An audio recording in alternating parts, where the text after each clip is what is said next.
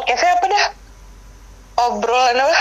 Obrolan virtual pas ya? Iya, Oke. obrolan virtual pas.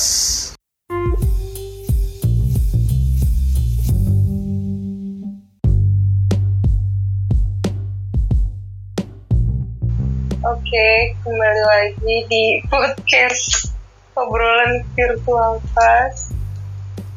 Yang pas-pasan aja. Hmm, pertama-tama Semangat banget ya. kita mau minta maaf sama diri sendiri Pas-pasan.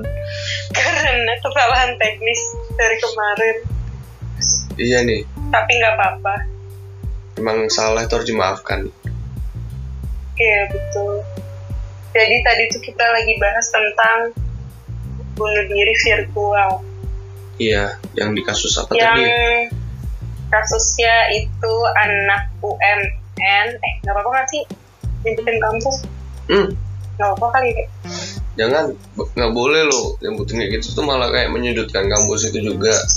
Ntar juga Oh, iya juga. bikin oh iya ya jangan kita nggak boleh lah. itu maksudnya UMN tuh universitas masa nanya ya. Oh iya, bukan yang lain-lain. Ya itu di dunia virtual yang lain lah di kehidupan sebelumnya. Oh iya, jadi universitas Terus- mas yang nanya. iya Betul betul. terus eh, jadi dia itu bunuh diri di kontrakannya minum racun arsenik tuh ya something like racun lah ya Kenapa bisa dibilang Terus? racun? kenapa Karena itu bukan sebenarnya bukan untuk konsumsi kita ya. bukan itu kayaknya zat kimia buat apa gitu tapi mematikan gitu Oke oke. oke nah tapi tuh sebelum dia bunuh diri tuh dia nge-tweet dulu yang harus gue bacain lagi gak? Nggak usah sih nggak usah dibacain juga pasti nggak perlu lah. Nanti ketahuan juga nggak Iya. enak. Jadi Ya, Itu-. Jadi intinya dia sebelum sebelum Iya. dia mengakhiri hidupnya dia nge-tweet dulu which means menurut gue dia sebenarnya waktu itu meminta pertolongan tapi tidak ada yang menggubris sampai akhirnya dia bunuh diri. Nah kejadian kayak gini itu eh, udah kejadian di beberapa kasus. Kayak contohnya kalau tadi gue cerita waktu gue SMA gue diceritain ada orang Jepang bunuh diri. Sebelum bunuh diri dia upload dulu di Facebook eh Facebook di Instagram. Hmm, terus eh, kalian rakyat Indonesia tercinta pasti udah tahu kasus orang bunuh diri di Facebook yang waktu itu viral sekitar tahun 2016an atau 2015 2016 gue lupa. Ya pokoknya sekitar tahun segitu. Nah hal ini cukup meresahkan acara Karena- berita sumpah. kayak ba- bawa acara berita gitu. Jadi kayak infotainment infotainment yang akan menceritakan tentang hal-hal pembunuhan. kan harus Iya. di ini dulu diceritain prolog-prolog Iya benar-benar. Cuman gua ya nggak apa-apa kalau masalah pembunuhan sih. Terusin aja gini kayak ini loh apa acara siang-siang metro siang eh metro siang Iya. masih yang metro kriminal. metro kriminal ini buser Aida Iya iya. Terus Oke. terus. terus eh, hal ini itu meresahkan karena pertama tadi kata emasnya kalau ketika lo ngupload itu itu bisa dicontoh sama orang lain apalagi ini adalah sosial media yang semua orang bisa lihat dan nge-retweet tuh segampang itu bahkan kalau orang yang Twitter atau Instagramnya diprotek tuh bisa lah ada caranya gimana dia bisa ngebuka itu Oh maksud iya. gue bisa ngelihat Jadi juga ketahuan Iya. gitu misalnya yang orang itu yang udah meninggal tuh sebenarnya udah merotek nih. Tapi ada aja yang ngasih Hmm, tahu gitu. ada, ya itu pasti- harusnya tuh pasti ada. di keep. Hal kayak gitu Hmm. harusnya di keep. iya harusnya tuh nggak nggak perlu gitu ya tapi ada beberapa orang yang harus apa ya yang mungkin haus akan atensi sehingga dia menyebarkan hal tersebut gitu Hmm, hmm, hmm. Nah, ini tuh yang meresahkan gitu ya. Soalnya takutnya ada orang-orang yang mungkin sedang dalam keadaan stres atau sedang tidak baik-baik saja kesehatan mentalnya, terus ngelihat itu jadi ada pikiran ke sana. Terlepas dari eh, gimana ya? Jadi ke- jadi setahu gua kalau depresi atau mungkin lu mental lu sedang tidak baik-baik aja itu yang lu tuh pengen menghil lu sebenarnya sejujurnya nggak mau bunuh diri cuman pengen menghilangkan rasa sakitnya aja nah tadi kita juga udah bahas tuh setiap orang punya painkillernya masing-masing Iya, betul. Gue cuma bisa ya betul ya doang nih, malas banget gue mau jelasin lagi. iya ini nggak apa-apa nanti setelah gue menjelaskan ini baru nanti kita berbincang-bincang lebih jauh lagi tentang ini Iya, jadi ini singkat cerita dulu secara ringkas uh, Iya. pembicaraan Oke, secara offline, selama- offline meskipun Iya. nggak on air tapi offline, tapi Oke. tetap berbicara tapi tetap virtual kita karena kita nggak tahu siapa satu sama lain.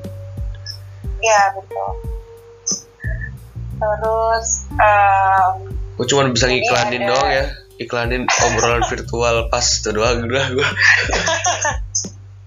tapi tadi kita ngobrol ya. Udah padahal ya. Emang iya, semesta tidak mengizinkan tadi. Nggak apa-apa daripada nggak nggak ada yang diiniin kan terus. Jadi ini topiknya Iya. udah meresahkan deh, meresahkan iya. kita. Kita berdua doang yang resah sebenarnya. Kita- cuma kita kita kasih berdua kita nanya orang nanya lain gue solusi. gak peduli. Gue bukan Iya. gak peduli biasa aja. Kita karena kasus ini udah banyak. Iya kita nanya nanya ke siapa ya nanya ke diri kita sendiri ya kita nanya bareng berdua ya tetap kita kita aja yang Iya. dengerin betul saran-saran ini. Namanya juga podcast independen Ya, untuk diri sendiri dibuat sendiri untuk diri sendiri. Lanjutin lagi kayak belum kelar tadi tuh penjelasannya. Iya. Sambil gua santai-santai eh, kan gua- nungguin lu cerita gua dengerin gua pahamin hah? Sambil makan nggak? Enggak sih Gak ada makanan oh soalnya. iya oke. Kode tuh Oh, sambil makan. Mau kirimin apa nih? kirimin doa Oh ya udah. Semoga kenyang. semoga kenyang Gila. oke lanjut eh gue punya pantun Apaan? ikan hiu ikan cucut lanjut oke nggak penting banget terus Itu kalau orang-orang yang Eh. bikin-bikinnya apa? Bikinnya kayak yang gitu garing. Ya mm, udah garing. Gak usah disesalin kok apa-apa kok. Hidup garing itu malah suatu pencapaian hidup. betul walaupun menyedihkan juga sih sebenarnya Iya, itu pencapaian hidup. Jangan lupa, setiap hal kecil yang kamu rasa itu kamu gak salah, itu adalah pencapaian hidupmu, kawan. betul oke terus backgroundnya ini lagu Ebit Yadi du du du du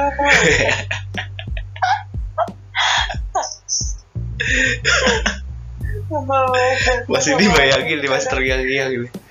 apa Terngiang-ngiang lagunya gara-gara dudu-dudu, bukan dudu-dudu yang itu yang keinget. Du, du, du du du du. du ini ya Blackpink bukan. Ya, bukan Blackpink oh Iya, ya betul. ada oke. Gue ya ngomongin Dimarahin. kita memarahi diri sendiri karena terlalu sibuk dengan keanehan diri sendiri. Oke Ya. lanjut. Jadi sebenarnya kalau orang yang sedang mentalnya sedang tidak baik-baik saja itu punya painkillernya masing-masing ada tadi kita udah ngomong ada ada jangka pendek sama jangka panjang. Kalau jangka pendek itu mungkin lebih ke sesuatu yang memberi lo ketenangan. Kayak mungkin bagian orang bakal menyarankan ibadah yang mungkin bagian orang yang agak ngaruh-ngaruh banget sebenarnya. Terus tapi kalau untuk jangka panjang gue sangat menyarankan untuk pergi psikolog. Karena kayak ibaratnya nih ini gue lagi lagi nih iya kalau lo sakit demam lo pasti ke dokter gitu buat dapet obat. Buat tahu lo sakit apa gitu ya. Nah sama aja kayak kalau lo sakit kalau lo merasa ada yang salah dengan keadaan apa kesehatan mental lo lo harus ke psikolog untuk tahu lo sakit apa. Karena kalau lo nggak ke sana lo jadi self diagnose sendiri kadang atau malah jadi jadi bingung lo nggak tahu tuh sebenarnya apa nah kayak gue sekarang lagi flu nih gue harus ke Oke, dokter dapat sembuh. harus ke dokter Nah iya, Nah, untuk gitu tahu kan. lu sebenarnya flu atau ada penyakit lain gitu bisa aja kan? Iya. Ada penyakit lain yang kita nggak tahu. Nah itu adalah gunanya lo pergi ke profesional. nah tapi bisa nggak Nah. kalau misalnya itu disebut juga sebagai penyakit berarti depresi Iya. itu salah satu penyakit Terus kayak Nah, gini, misalkan nih lu apa penyakit tahu gitu ini? ada obat pertolongan pertama. Pertolongan pertama tuh obat-obat warung lah, kayak Oh, iya. lu lagi Nah. demam ya paracetamol. Nah kalau dalam kasus kesehatan mental, pertolongan pertama adalah teman terdekat. Kayak lu mungkin bisa cerita dulu sama teman terdekat atau ya orang tua kalau misalkan lo deket sama orang tua ya siapa aja lah yang bisa lo ceritain ya karena kan Tapi ada juga lo- yang nggak nggak dekat sama Iya. orang tua kan ya Betul. Nah, tapi ketika lo udah merasa, aduh, kayaknya nggak membantu nih gitu ya. Nah, pasti lo bisa tuh pergi ke psikolog. Kayak misalkan ya obat warung, lo udah demam. Satu dua hari lo nggak tetap nggak sembuh ya pasti lo ke dokter kan buat tahu nih sebenarnya gue sakit apa sih gitu. dua tahun demam terus dua tahun demam terus tuh. Siang juga ya? Dua hari. Oh dua hari. Gue kira dua tahun tadi lu ngomong dua tahun. Minum paracetamol dua tahun demamnya sih terus ya itulah intinya lo harus meng- apa ya mengecek keadaan lo gitu. Sebenarnya lo kenapa gitu. Tadi kita ngomongin itu sampai kita ngomongin eh apa lagi ya? Ngomongin apa lagi sih. Oh ngomongin kalau kegagalan itu adalah apa tadi? Gagalan itu harus bisa dicapai. Meskipun kita apa nggak nggak dapet pencapaian yang kayak orang-orang dapet. Nggak Iya nggak? tahu. Nggak tahu nggak kakak gue nggak tahu. Gue lagi ngomong sama temen gue lo jangan di sini. Oh. Oh gue jangan di sini. Yaudah bukan bukan.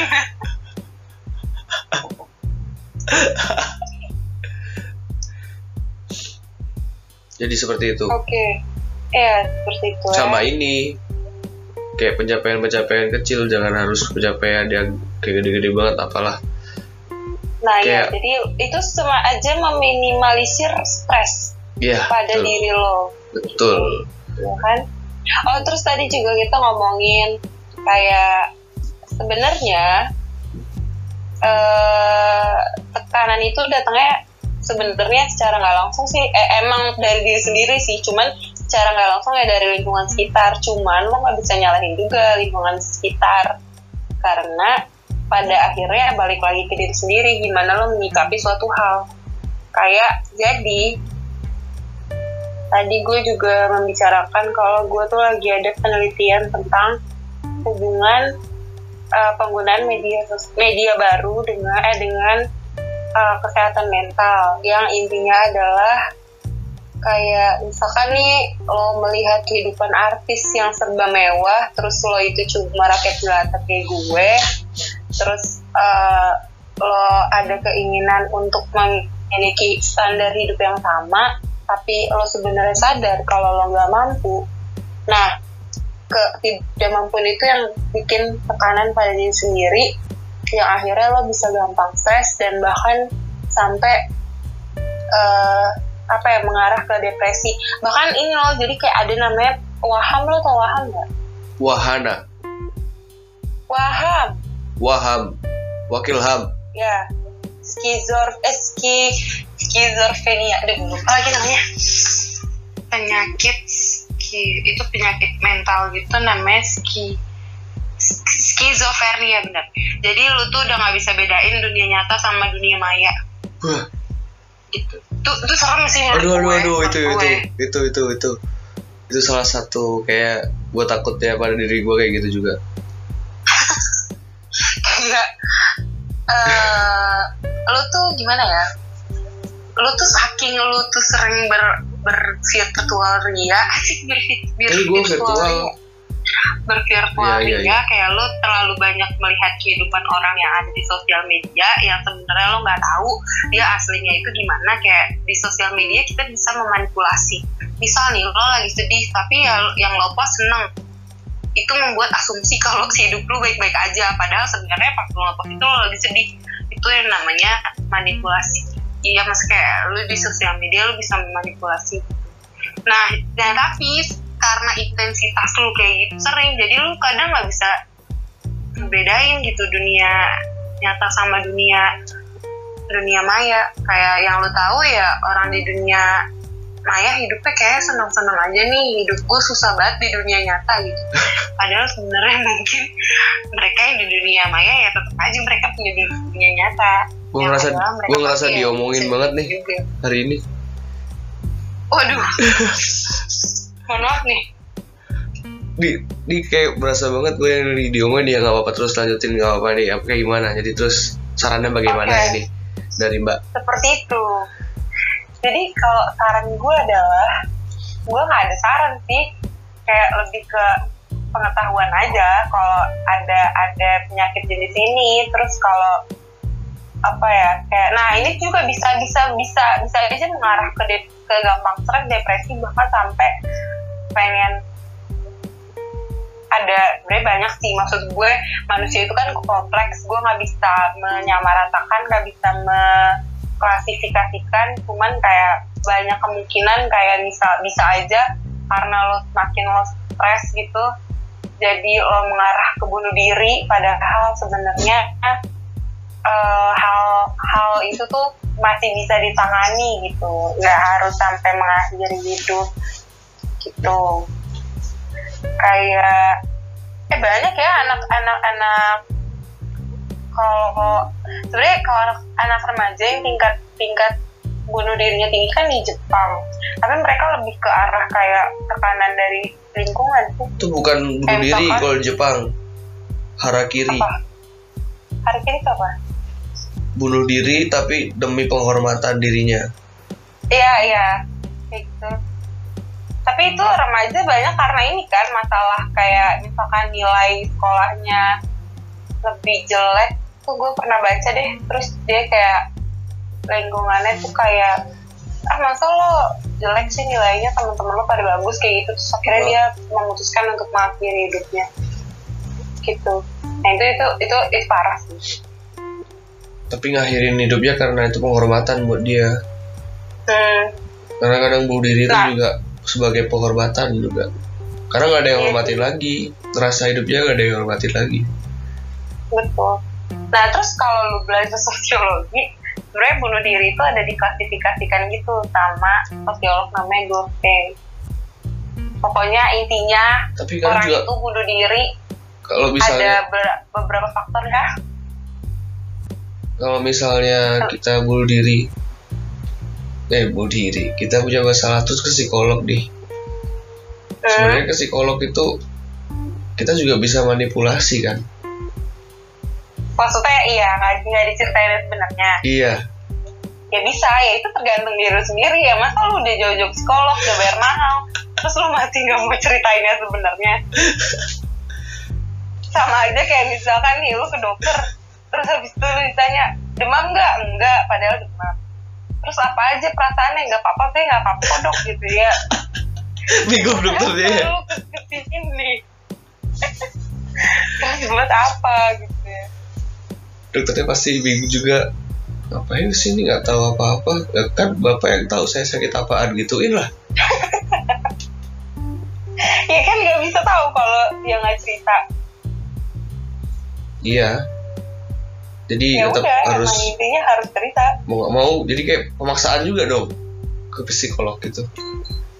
Nggak pemaksaan ya makanya kan gimana ya ke psikolog kan emang tujuan lo adalah untuk ceritain. Kayak biar si psikolognya bisa menilai ini sebenarnya tuh lu kenapa gitu. Kayak dokter juga misalkan nih penyakit tifus gejalanya apa aja. Misalkan demam sekian hari terus baru sekian hari kan itu lo harus ceritain Makanya kadang dokternya nanya demamnya berapa terus tensinya berapa dan lain-lain. Sehingga bisa dikasih kesimpulan kalau dia sakit apa gitu. Ya sama aja kayak psikolog juga kayak gitu. Tapi sejujurnya gue belum pernah sih psikolog nemenin ke sekolah pernah oh iya. Lo pernah nggak? Nggak salah lu pernah ngomongin yang ke psikolog harga harganya berapa gitu? Bukan gue kayaknya itu temen lo yang lain. Lo iya? Iya. Oh bukan. Bukan. Jadi tuh ke gue gak psikolog pernah ngomongin psikolog. Yang murah tuh kalau nggak salah di puskesmas. Itu baru kita omongin beberapa menit yang lalu. Oh iya ya? Kalau yang itu iya. Kan sekedar mengingat-ingat barangkali oh ingat iya. Iya betul juga. Iya jadi tuh sekarang udah banyak guys layanan psikolog. Lo mau di puskesmas sekarang ada. Terus lo mau layanan lewat telepon gratis ada. Terus lo mau ke rumah sakit juga ada. Gue nggak tahu BPJS nge-cover gitu nggak sih? Iya BPJS cover gak ya harusnya nggak cover ya. Nah kalau cover gue mau pakai BPJS aja ya gak anjir lah. Iya sih. Tapi tapi bener ya lu ke puskes- ke puskesmas aja kalau nggak salah tuh berapa menit 15 menit tuh berapa ribu gitu. Oh. Ya udah deh. Ada nggak puskesmas virtual? sudah banyak kemudahan gue seneng sih. Sekarang orang udah pada kayak concern sama masalah-masalah mental ada kan puskesmas virtual nggak? kayak kenapa? Puskesmas virtual. Apa? Psikolog virtual. Ada ada yang yang hubungi bla bla bla jika butuh pertolongan. Ada sumpah gue pernah dapet line eh, call gitu ya? di Twitter. Kenapa? Jadi kayak harus hubungin gitu? Iya lu nelpon. Cuma nelfon doang kan? Iya ntar takutnya yang itu yang SMS aku kangen nih no sex Sarah. Waduh. Oh ya terus tadi kita juga bahas pentingnya teman virtual terhadap kesehatan mental ini. Oh iya Jadi iya kalau lu Juga nggak bisa tuh. menceritakan itu ke orang yang ada di dunia nyata, lu bisa menceritakan itu ke teman-teman yang ada di dunia virtual jika dirasa perlu. Jika dirasa perlu ya, kalau di garis bawah. Jadi rasa perlu tapi juga harus Kalau- berhati-hati bahaya juga kalau Iya, terlalu. karena banyak orang yang justru jadiin cerita lo konten oh iya kalau di dunia virtual ya nggak sih? Ya. Gue sebel banget tuh kemarin ada dokter Hah? Bikin tweet soal masalah perselingkuhan pasiennya. Ya dokternya udah minta maaf dan tweet eh, dan tweetnya udah dihapus sih. Cuman kayak menurut gue bahaya aja. Iya, kayak lu iya, cerita even ke profesional aja lu dijadiin dokter konten. Loh dan itu adalah sisi negatif dari dunia virtual. Karena semua orang Aduh. mencari atensi. Lu So- hidup lu tahu banget ya di dunia virtual ya? Kenapa? Tahu banget hidup lu di dunia virtual. Iya berita-berita kayak gitu. Gue juga tahu nih berita kayak gitu di twitter kemarin ada. Eh lu kan tahu gue kan lagi libur gak ada kerjaan. Jadi kerjaan gue nggak scroll twitter aja. Lu lagi libur lagi? Ah ini lagi libur Iya. lagi? Libur semesteran. Anjing berarti gue tiap dulu ngubungin lu di saat musim liburan. Iya. Mantap temenan apa namanya? Kalau misalnya ini liburan musim panas bersama teman virtual sekarang musim hujan Boleh. Kan lagi musim hujan sih tapi. ya berarti siklus tahunan ya Iya. Ya begitu teman-teman. Jadi jika kalian merasa kese- kesehatan mental kalian tidak baik-baik saja atau misalkan kalian untuk memutuskan untuk mengakhiri hidup atau kalian meminta pertolongan lewat sosial media, coba dipertimbangkan lagi. Karena orang di sosial media itu yang peduli itu cuma satu, tapi yang ngejadiin masalah lo konten itu 99 perbandingannya satu banding 99 iya. Jadi ya hati-hati aja gitu. Hati-hati di internet. Iya hati-hati di internet. Di internet. Jangan nggak hati-hati jadi harus berhati-hati. Hmm. betul. Ya bener deh so dunia virtual itu racun. Kayak ketika lo punya followers banyak nah itu tuh udah mulai tuh toxic jadinya. Apa pun lo jadiin konten biar dapat atensi publik. Makanya jangan sampai punya follower banyak. Hindarilah berfollower banyak. Iya kayak gue dong Iya kan? 156 genap bagus kan? Bagus. Daripada 10.560 tapi buzzer. Eh baru terus netes. Iya. Ah iya. Jadi seperti itulah perbincangan mengenai topik ini. Virtual tapi sebenarnya yang sebelumnya kita belum belum selesai bahas meme Spider-Man. Jadi lu udah tahu tuh belum meme Spider-Man